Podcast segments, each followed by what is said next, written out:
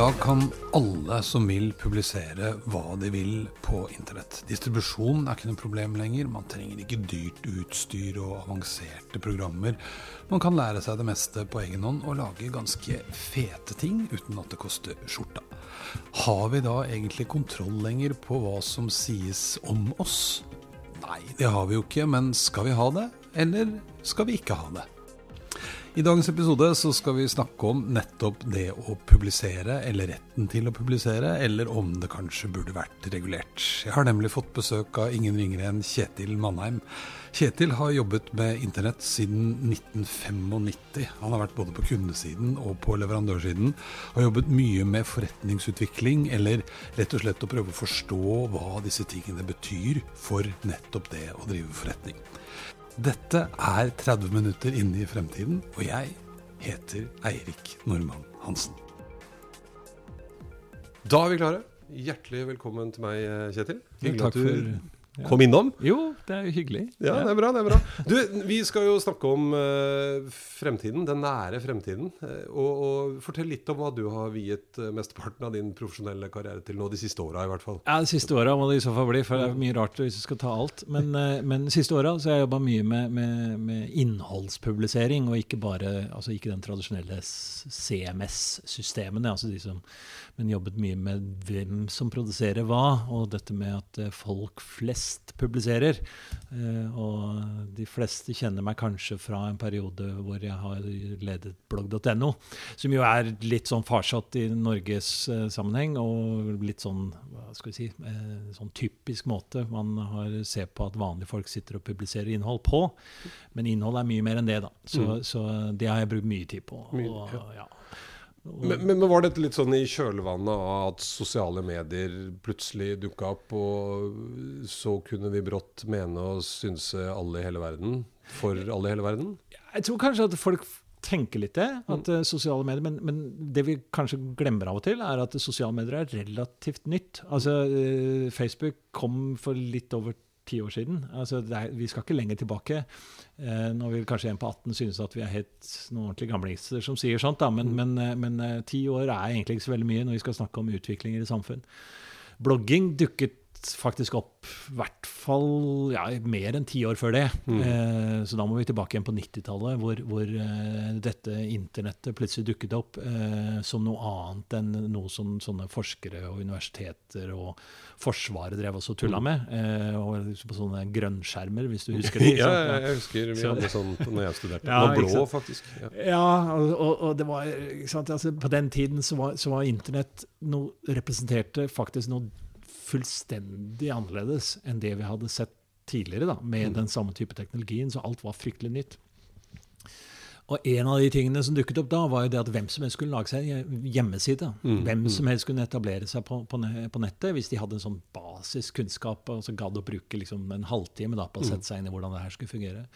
Og dette ble jo en farsotten på 90-tallet, som egentlig kan sammenlignes med farsotten rundt uh, sosiale medier. Men da handlet det først og fremst om å så rett og slett si sin mening. Publisere hva det måtte være. Om det så var å fortelle om eh, innholdet i fryseren til familien, eller om det handlet om eh, å skrive om bøkene man hadde lest, eller om et tema. Altså, det var veldig sånn der, Jeg ønsker å øse ut av meg all den informasjonen jeg sitter på. Så det var ikke så mye meningsutveksling, men etter hvert så begynte det å komme. Så det var ganske sånn hva skal jeg si, kaotisk periode, da, hvor, hvor det var ikke noe særlig struktur. Det var Nei. bare det at jeg, jeg kan skrive noe, og jeg kan publisere det. Det er gøy. Ja, ja, La oss teste. La oss teste det. Se hva som skjer. Så, men i den perioden så dukket det ordet blogg opp, og det er kanskje det første han, Jeg husker ikke hva han het, han som er blitt Men, men det, det kom jo fra weblogg. Mm, Og, det, mm. og da når folk begynte sånn, på sånn reg altså sånn jevnt da, begynte å liksom si ok, nå har jeg faktisk en nettside som jeg, jeg, jeg poster faktisk fast nå, akkurat som en avis nesten. Mm, mm. Og når du begynte å lage sånne logger, så var det jo en del som hadde en litt sånn kjedelige logger. Mm. Eh, sånn eh, Ja, i dag har jeg stått opp og spist det og det til frokost. Og liksom, ja, ja, ja, vi er rare sånne mennesker. Vi har alt mulig rart å snakke om.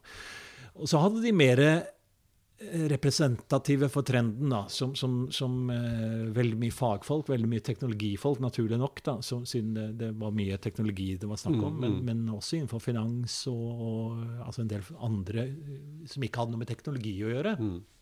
Men hvor det var stemmer da, som, som eh, begynte å fortelle og begynte å poste jevnt og trutt, og som til og med ble en del av uh, mediehus. Men så, så ser vi jo nå altså Nå er det masse dere var med å starte blogger.no, og Facebook har utviklet seg, og Instagram og Snapchat og you name it. Det fins så mye greier. Og, og, og en periode så var vi veldig opptatt av at alle skulle liksom publisere. Merkevarer skulle være innholdsleverandører, og privatpersoner og, vi, og influensere kom som en farsott og er liksom en veldig omdiskutert ting nå. Eh, hvor står vi nå? Nei, Vi står vel egentlig midt oppi en slags metatrend på akkurat det punktet. Vi har, man kan nesten tenke seg at eh, dette på mange måter er litt sånn over. Vi har liksom passert den trenden, men det er vi ikke. Altså, vi har, jeg tror ikke vi har sett en gang starten på, på, på, eh, på hvor stort dette kommer til å bli. For innhold er jo mer enn bare sånn tekst og bilde som, som blir publisert i forbindelse med at man har en nettside som prøver å forklare et produkt, eller, eller prøver å lokke deg til å kjøpe noe, eller, eller eh, ja, eh, hva det måtte være, en blogg for den saks skyld. Innhold er jo data. Eh, og hvis du ser på da alle som er rundt oss, uansett hva det måtte være eh, Pick a name, p- altså ta et eller annet. Det kommer til å være produsert innhold rundt det. Eh, og det innholdet kommer til på en eller annen måte å bli publisert, og mye av det kommer man til å tjene penger på. Og da er spørsmålet hvor interessant er det? Og, øh, altså, hvis du går rundt og har f.eks. et sånn ja, wearables, da, vi mangler da på et godt norsk ord. Jeg vet ikke om du har noe godt norsk ord for det. Ha på seg ting? Jeg vet ikke. Ha på seg, ha på seg ting. Ha på seg ting? Ja, Og disse ha på seg-tingene da, som du går kanskje rundt også og skrittmåler, og liksom du, du gjør sånne enkle ting som du bruker til din personlige eh, ja, eh, guide, eller bare for ren skjær interesse, da, for å se at det er litt morsomt å se hvor mye jeg har gått i dag. og sånn. Det kan ende opp som historier Mm. når de på en eller annen måte er samlet, satt i system, i kontekst Mm. osv., og, så videre, og så plutselig så blir det innhold som andre tar nytte av og bruker. Mm. Bare for å ta det som et eksempel, så, så vil jo en automatisk håndtering av dine dagsturer da, Mm. kunne brukes for at jeg kanskje kan dra nytte av så vite litt om disse dagsturene dine. Mm. Og du kan mer eller mindre styre hva slags type informasjon jeg da får tilgang til. Men alt skjer automatisk. Det er ikke sånn at du da går og tenker på at nå skal jeg publisere dette. Mm. Altså, det kommer til å være fryktelig mye innhold som blir produsert rent automatisk, og som blir samlet på en eller annen måte. Og ikke nødvendigvis av en sånn AI, altså sånn kunstig intelligensmotor, men det kan være øh, folk som sitter og, og redigerer og, og setter sammen alt dette. Men mye kommer også til å skje uten at noen mennesker er involvert, utover de programmererne da, som har laget denne regelstrukturen eller algoritmen da, som, som bestemmer dette her. Og så har du den andre delen som går på dette med innholdsproduksjon, som jo lenge har vært demokratisert, da, for å bruke et positivt uttrykk rundt det. Eh, Det er ikke lenger bare eliten som sitter og produserer innhold. Eh, Den demokratiseringsfor... Altså det skjedde jo Vi kan gå 150 år tilbake, og så sier vi at det har vært en utvikling der.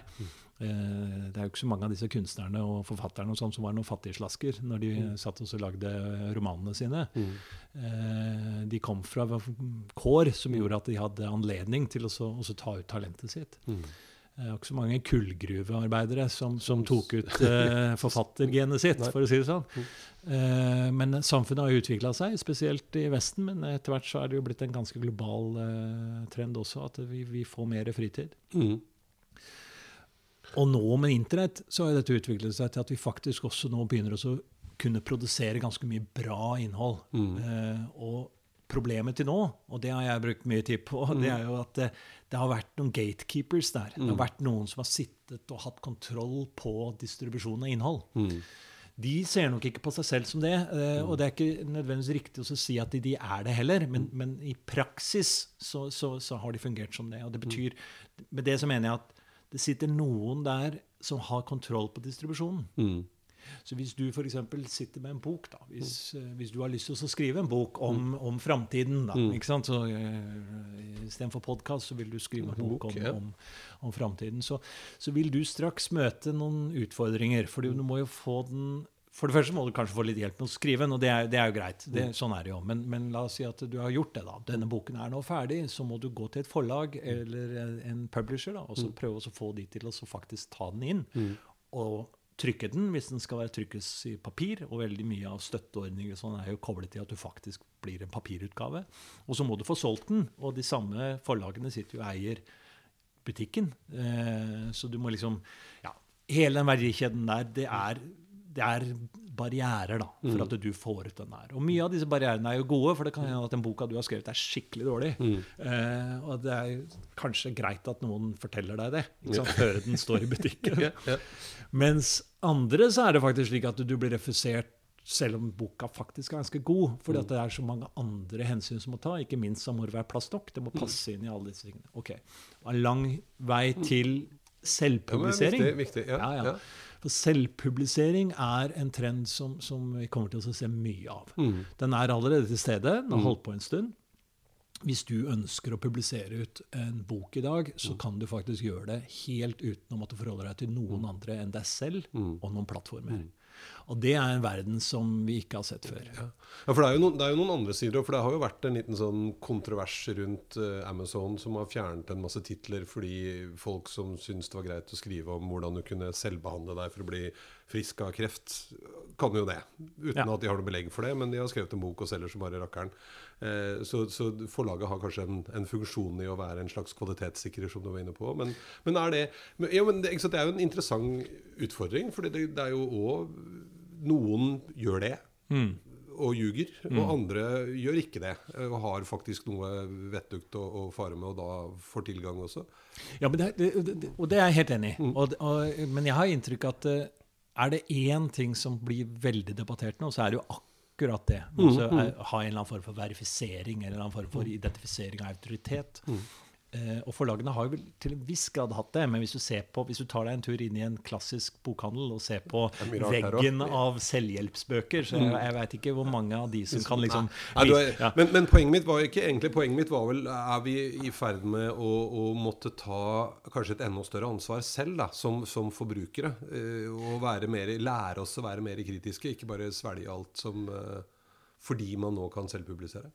Ja, men jeg tror, jeg tror det kommer til å skje. Tror, altså, de som sliter nå, er de, det er jo overgangen som gjør det vanskelig. Hvis du ser på, øh, hvis du ser på de siste undersøkelsene som jeg har fått med meg, i hvert fall den som sliter mest med å skille mellom en, en troverdig nyhet øh, og en troverdig kilde og en ikke-troverdig kilde, er jo de over 60. Ja. Uh, og det syns ikke jeg er noe rart i det hele tatt. Fordi at det, det handler jo om at du kommer fra en verden hvor du har trodd at det er det Har noen faktisk publisert noe, så har det jo faktisk gått via noen som har tenkt. Ikke sant? Ja. Eh, mens dette her går jo bare rett ut. Men du, jeg tror vi får den samme problemstillingen som vi hadde når det begynte å komme med livestrøm av eh, nyheter. Mm, Eh, CNN begynte jo mye med dette her osv. Det, det var ganske mange. Det var vel var det, det var en norsk redaktør, om det var uh, Vallebrokk eller noe sånt, som, som var ute og sa at dette, dette er jo nyheter som ikke har gått via noe hode. Sant? Altså, det, det er bare liksom, det er ingen som har tenkt. Det, bare, det, er, det blir nesten som, sett på som nesten sånn, sånn ja, negativt. Da. Mm, mm. Men i dag så er det utenkelig å ha en nyhetssending uten at man livestreamer. Ja, ja. Så jeg tror det har noe med, med vanen å gjøre. Men på den annen side så er det jo også slik at selvpublisering vil jo medføre at vi kommer til å få reguleringer som gjør at vi finner ut hvem som står bak. Ja, ja. For vi er helt avhengig av det. Ja, gjerne, I dag så har vi jo ikke det. Ikke? I dag er faktisk problemet det motsatte. At de, når, når et forlag da, skal jo ikke nevne navn for å ikke henge ut noe, men hvis et forlag kommer ut med en bok, så har vi en tendens til å stole på det forlaget. Ja, ja, ja. For det er merkevaren, ikke sant. Ja. Ja, ja. Eh, men vi har ikke noe behov for å ha Mm. et ekstramerke ikke sant, som sier noe om det. Men hvis du bare tar en, en tur inn i et supermarked, og Mm. ser på varer og tjenester som ligger tilgjengelig på ulike markeder, så, så er det alle mulige slags sånne merkinger som på en eller annen måte prøver å fortelle oss at ja, dette er gjort på en ja, moralsk, etisk riktig måte, eller denne kommer fra det så, så muligheten for å faktisk kunne være transparent, at det er et krav Hvis jeg gir ut en bok, jeg gir den ut sjøl, men man kan, må få vite hvem jeg er. Jeg vet ikke om det er et krav, jeg liker ikke sånne regler, men det kan, jeg, jeg tenker at det vil komme jeg, jeg er ikke noe glad i regler, og det, eh, det, er, det er sånn det. Men, men jeg, jeg tror at det, det, det, det kommer til å være positivt. Mm. Det kommer ikke til å være slik at vi setter opp at det er en regulering som sier at du er nødt til å ha det, men det kommer til å være slik at man, noen finner det eh, for godt å ha det fordi at det gir dem en lettere tilgang til et marked. Mm, mm. Så jeg tror det kommer til å komme naturlig. at jeg tror Markedet kommer til å ønske det. Jeg, ja. Så når noen begynner å ha gode løsninger på å Mm. identifisere og, og kvalifisere eh, ulikt innhold, så tror jeg det går bra. Ja. Amazon, som du nevnte, Mm. kjempegodt eksempel. De har en kjempeutfordring i forhold til sitt, eh, sitt svære nettverk. Det er, Mm. altså, det er så mange titler i den bokhandelen der at det, det er bortenfor hva vi kan forstå. Mm. Eh, det er jo eh, å, å liksom angripe de fordi at ikke de får til dette her så lett. Ja. Det, det, det syns jeg nesten er litt arrogant. Ja, det er så lett å fortelle Det er kanskje greit at de gjorde som de gjorde, da. Når det ble en sak, og så gikk man inn og rydda opp litt akkurat de innenfor eh, Ja. det. Men, men så er det fint, og verden har Mm. blitt sånn når vi har fått plattformer og alle kan publisere, ordne og fikse. Og så snakket vi òg veldig lenge om, og snakker vel ennå om, at nå er det òg viktig at, at merkevarene eh, de skal også publisere. De skal også levere innhold, mer Mm. enn bare liksom gammeldags eh, Kall det reklame, eller hva du vil. Eh, er det sånn? Ja. Ja. Men jeg tror ikke det er noe nytt. Nei? Jeg tror eh, Min erfaring, i hvert fall når jeg, når jeg var på kundesiden på 90-tallet eh, og prøvde også å pushe finansprodukter på, på Norges befolkning, så, så eh, gjorde vi jo det med alle triksa vi hadde i bok i bøkene. ikke sant? Altså Vi hadde jo eh, selvfølgelig den klassiske reklamen, mm. og det forbinder man ofte med salg. Men vi hadde jo aviser, vi hadde tema, vi hadde arrangementer, sponsorer. Eh, vi, hadde, vi hadde masse historiefortellinger mm. som, som Unnskyld. Som vi, som vi benyttet oss av, av å selge. Så det at vi i dag ser at det, det er lettere for bedrifter også å fortelle historier med internett, eh, det, det er bare en naturlig følge av at det er sånn man har solgt ting før. Mm, mm. Altså Jeg vet ikke hvor sant det er, men jeg tror det er sant at såpeopera faktisk ble eh, etablert av såpeprodusenter. Ja. Eh, for å selge såpe. Ja. Så måtte de ha et eller annet drama som de kunne bruke, som folk likte, som de kunne plassere sine produkter i. Så det er derfor det heter såpeopera? Det er det jeg har blitt fortalt. Så får jeg eventuelt lyttere. Det ja. Bør ikke sjekke den og publiseres dette på en podkast, så kommer de til å få masse kommentarer på det er sant. Ja, men det er. Det gøy. Ja. Men, eh, så, ja, men så, sånn, sånn har det blitt. Hva, hva tror du, hvis vi skal liksom gå litt inn i forretningsverdenen, for det vet jeg du er veldig opptatt av, og se på liksom den forretningsmessige siden av dette. Eh, hva tenker du om det? Hva, hva er liksom viktig for eh, bedrifter og merkevarer nå fremover å tenke på? Det er jo eh, ja, det er et stort spørsmål, men i forhold til innhold så, så tror jeg at de skal, være, de skal skille mellom det som er de sosiale medienes eh, si, eh, egenskaper knyttet til eh, markedsføring og oppmerksomhets... Altså det, det at det er en plass hvor de faktisk møter eyeballs, da, akkurat som du gjør det på en TV. Og det som er innholdsproduksjon og historiefortelling. Jeg tror det er ganske forskjellige ting. Eh, det er mye snakk om influensere, og sikkert sitter sikkert mange PR-sjefer og markedssjefer rundt omkring som prøver å finne ut av hvordan de skal løse det. Men, men jeg tror det viktigste for alle bedrifter er altså å tenke på hvilke historier de skal fortelle. Mm. Nå høres jeg ut som en reklamemann, eh, og det er ikke tilfeldig, det. For reklame er jo ofte en historiefortelling, og det fungerer godt. Hvis du har en god historie å fortelle, så, så fungerer det godt. Men innholdet i denne sammenhengen handler om så mye mer enn at du skal bare spisse et budskap og ha en, ha en tekstforfatter som kommer opp med en genial one-frase. Ja, ja, for det var det jeg ville Ja. fram til. Ja. Det, det, det handler nå om at du, bygger mye mer og forteller mye mer om hva du holder på med som bedrift. Mm. Hvis du går til de som gjør dette her veldig godt, øh, så, så ser du det at det, på en ene side de kan ha en blogg, de kan ha, de kan ha liksom en svær hjemmeside med masse info og database, men det, men det er ikke det som er viktig. Mm. Se på de som gjør det godt, så, så forteller de noen historier om hvem de er, Ja. hvordan deres produkter blir brukt, Mm. eh, hvordan de kommer opp, altså hvordan deres innovasjon fungerer. Mm, sant? Og mye av dette her har liksom vært litt sånn løsrevet. Man har liksom hatt sin egen sånn eh, corporate responsibility-avdeling, og så har man hatt en egen markedsavdeling, og så har man en egen salgsavdeling. Men dette her er ikke så lett å skille lenger. Ne. Så jeg tror at det viktige er å prøve å fortelle de historiene godt. Mm. Og så må selvfølgelig tjenester og produkter være gode også, så du må liksom, du må, du må være hold i historien din. Men jeg tror det er kanskje det som kommer til å skille skitt og kanel i framtida. Mm.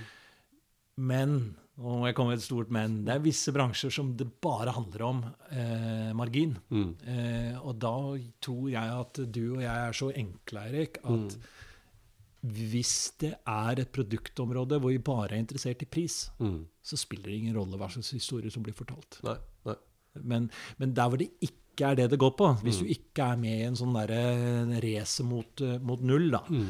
så, så tror jeg at, eh, at eh, du må prøve å fortelle en ganske sånn helhetlig fortal, fortelling om Ja. hvem du er, Ja, det, og det hvorfor du er. ja, for det var litt det jeg ville frem til òg. For de opplever jo ofte at altså som, Vi kommer jo, eller jeg kommer jo i hvert fall fra mm, i kommunikasjons- og til dels reklameverden også. Mm. Og hvor det veldig ofte handler om å finne på det konseptet som gjør at dette produktet eller denne tjenesten blir fremstilt på en eller annen måte.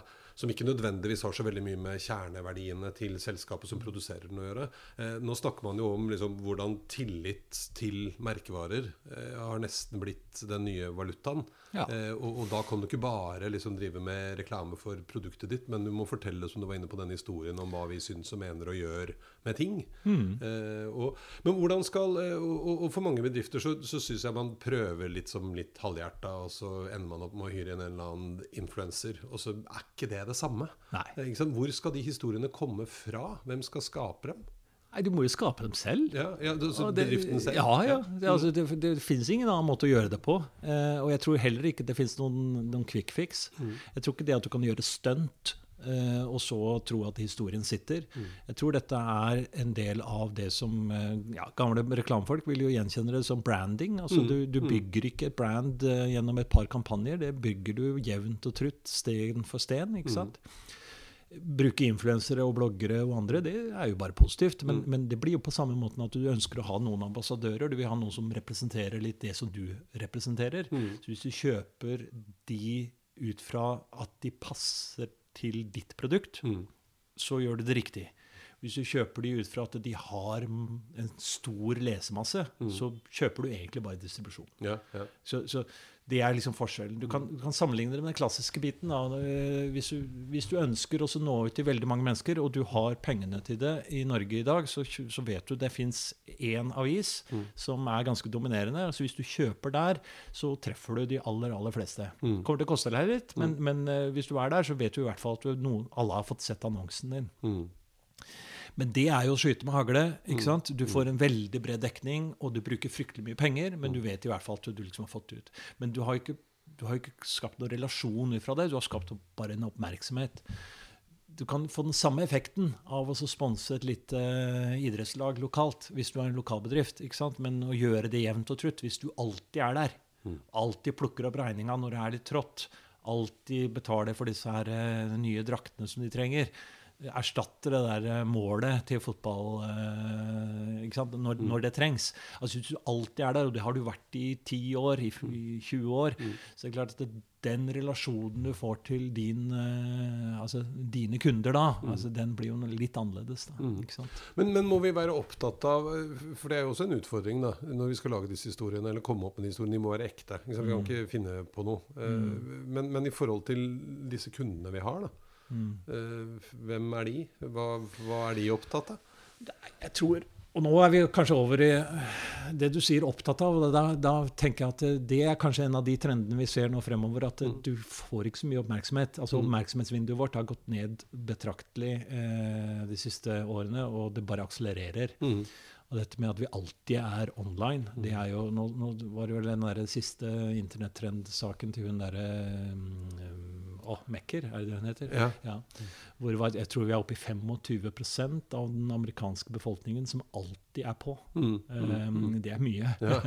um, og det, det, og det, det bare fortsetter å vokse. Og det er klart at det som vi- de kundene dine, eh, eller de vi får kalle oss oss, da. Altså, det vi kommer til å forvente, og det vi er opptatt av, det er jo det at vi har tilgjengelig alt on demand. Altså Når vi trenger det, så vil vi ha informasjonen. Hvor den kommer fra, det er vi ikke så veldig opptatt av. Bare vi får den når vi trenger den. Og det kan man av og til ta litt for lett på og si at ja, men vi kan jo ikke lage en egen løsning for alle mulige slags uttak. Altså Bare se på deg, du er et mareritt med gadgets. ikke sant? Altså, du, Hvordan skal vi nå fram hver. Uansett hva du måtte sitte for i grensesnitt, så vil du ha tilgang til informasjonen. Men igjen så tenker jeg at det tror jeg framtiden kommer til å løse. Mm. Mm. Det høres veldig vanskelig ut i dag, men i morgen så er ikke det så vrient. Hvis du tar f.eks. lydformatet, da, så lyd kommer til å bli gigantisk. Altså, Nå sitter jo vi i et lydformat, men denne podkasten. Og veldig ofte tenker jo folk det, at vi må ha en podkast. Ja, podkast er smart. Og podkast er smart. Det er en veldig effektiv og et av de mest voksne medieproduktene i verden. Men lyd er mer enn det. Så hvis jeg f.eks. er en bedrift da, som har veldig bra innhold, som jeg vil at folk skal bli oppmerksom på når de gjør et søk, så kan det hende at du står og prater med din Alexa, da, mm. eller hva det måtte være for slags boks du har hjemme. Eh, og så vil, du, så vil du høre på et eller annet. Ja, da må jo alt det innholdet være tilgjengelig i lydformatet. Mm. Mm. Og ikke i form av at jeg må bestille det og definere og alt sånt. Jeg skal finne det fordi det er relevant. Mm, mm. Så hvis jeg gjør et Google-søk, så vil Google kunne hente fram det som måtte være. Og hvis det dukker da opp et resultat, så må jeg kunne fortelle den historien også da på, lydmessig. Da. Ja, ja. Ja. Så, så, så, poenget er at folk forventer ikke nødvendigvis så fryktelig mye av deg. For de er mm. ikke så, så opptatt er ikke folk flest da, mm. av merkevarer og produkter. Veldig flyktelige eh, relasjoner vi har. Men vi vil gjerne ha den informasjonen som vi trenger, når vi, når vi trenger den. Og hvis jeg lurer. Ikke sant? Ja. ja. Og du kan tenke deg vi skal snakke litt sånn fremtidsvisjonsmessig, og mm. ikke for langt, om ikke for lang tid, så vil det å ha internettilgang vil jo ikke være noe vi tenker på. Mm. Og vi er allerede litt der. Hjemmene er fulle nå av mm, Mesh-nettverk og sånne morsomme mm. ting som, som, folk begynner å få et sånt forhold til. Mm, eh, hadde du snakket Mesh til noen for fem år siden, så hadde de ikke skjønt hva det var for noe. Et sted nede i byen. Ja, ikke sant? Et sted nede i byen er det også nå, da. Men, men, men uh, utgangspunktet er at internett kommer til å være overalt. Du ser hvordan de store eh, aktørene i verden også begynner å skyte opp satellitter for å gjøre dette tilgjengelig. Altså Tesla gjør det for å ha det i bilene sine. Mm. ikke sant? Og det er litt andre problemstillinger, men det kan du ta opp i en annen podkast. Mm. Men, men greia er at vi kommer til å ha det tilgjengelig overalt. Og det betyr også at det blir fryktelig mange muligheter til å kunne fortelle riktig informasjon når det, når det måtte passe. Mm, mm. Og, og, det at jeg når som helst bare knipser i fingrene da, for å lage et sånn billedlig eh, greie på det, og får innhold den tror jeg kommer til å bli en realitet på et eller annet vis. Mm, mm. Uh, ja.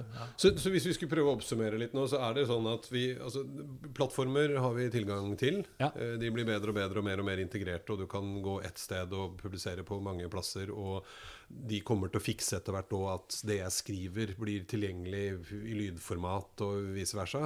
Vil og gjør det allerede. Ja, ikke sant? Ja.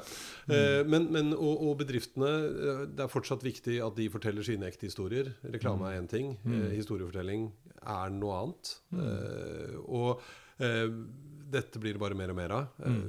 Hva er liksom det neste, hvis vi skal se enda litt lenger frem? Sånn 2030? Hva, din, hva, hva, tror du kommer til å være en realitet da? Nei, da tror jeg vi er eh, Da tror jeg vi er hyperinnholds...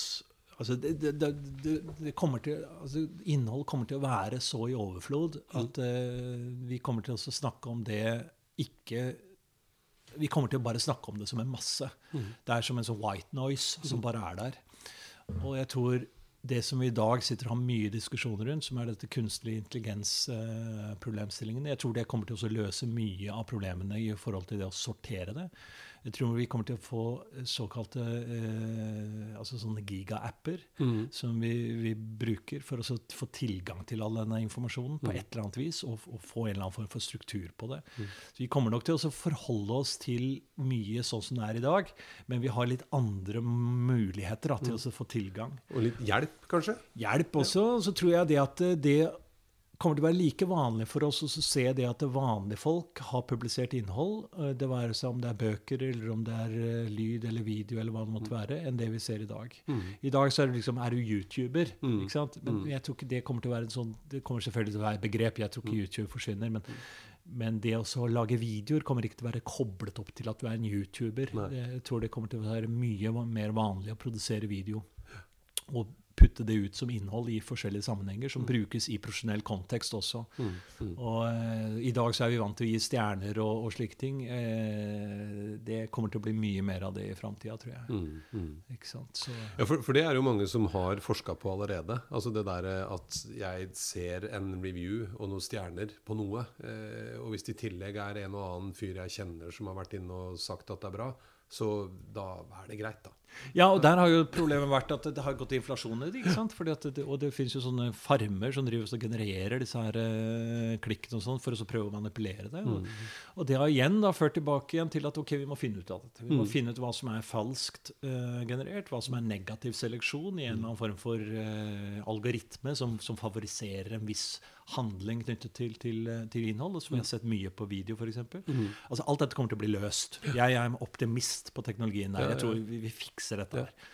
Så, så det, som, det som vi kommer til når jeg setter meg ned på morgen, morgen, da, så kommer jeg kanskje ikke til å sette meg ned foran en PC eller mobilen engang. Jeg kan kanskje bare til å gi beskjed til, til eh, den devicen jeg måtte ha, da, om det er TV-en eller hva det måtte være. Så setter den i gang og forteller meg det jeg velger å ha på morgenen. da. Hvis jeg står og barberer meg, så, så, så er det noe som gir meg en oppdatering på alle meldingene mine, eh, siste nyheter. Hvis jeg får lyst til å få opplest en artikkel som er publisert i VG, så har VG automatisk puttet det inn, og det kan være en robot, eller kan faktisk være en person som har lest inn. Det er litt opp til, opp til dem hvor mye kvalitet de vil ha på, på den type. Men jeg står rett og slett bare og forholder meg til det innholdet som måtte være. Så går jeg ut, og så går jeg nedover gata og er på vei til et eller annet, og så trenger jeg en eller annen informasjon knyttet til noe som foregår i gata. Ja, så er det augmented reality som, som gjelder, men jeg har, jeg har ikke noe forhold til det begrepet. Det er bare det at jeg får tilgjengelig den informasjonen med hva det måtte være at det har av wearables, da, for å bruke det, det uttrykket. det? Ha på seg ting? Ha på seg ting. Ha på seg ting. Ja, nei, men det er veldig bra. Nå er faktisk eh, tida i ferd med å renne ut her, Kjetil. Nei, vi veldig, veldig spennende. Vi kunne holdt på lenger, men jeg tror eh, eh, 30 minutter er formatet, så vi eh, avslutter der. Veldig kult at du stakk innom, og det blir helt sikkert eh, flere ganger, tror jeg. Takk. Veldig hyggelig. Takk skal du ha.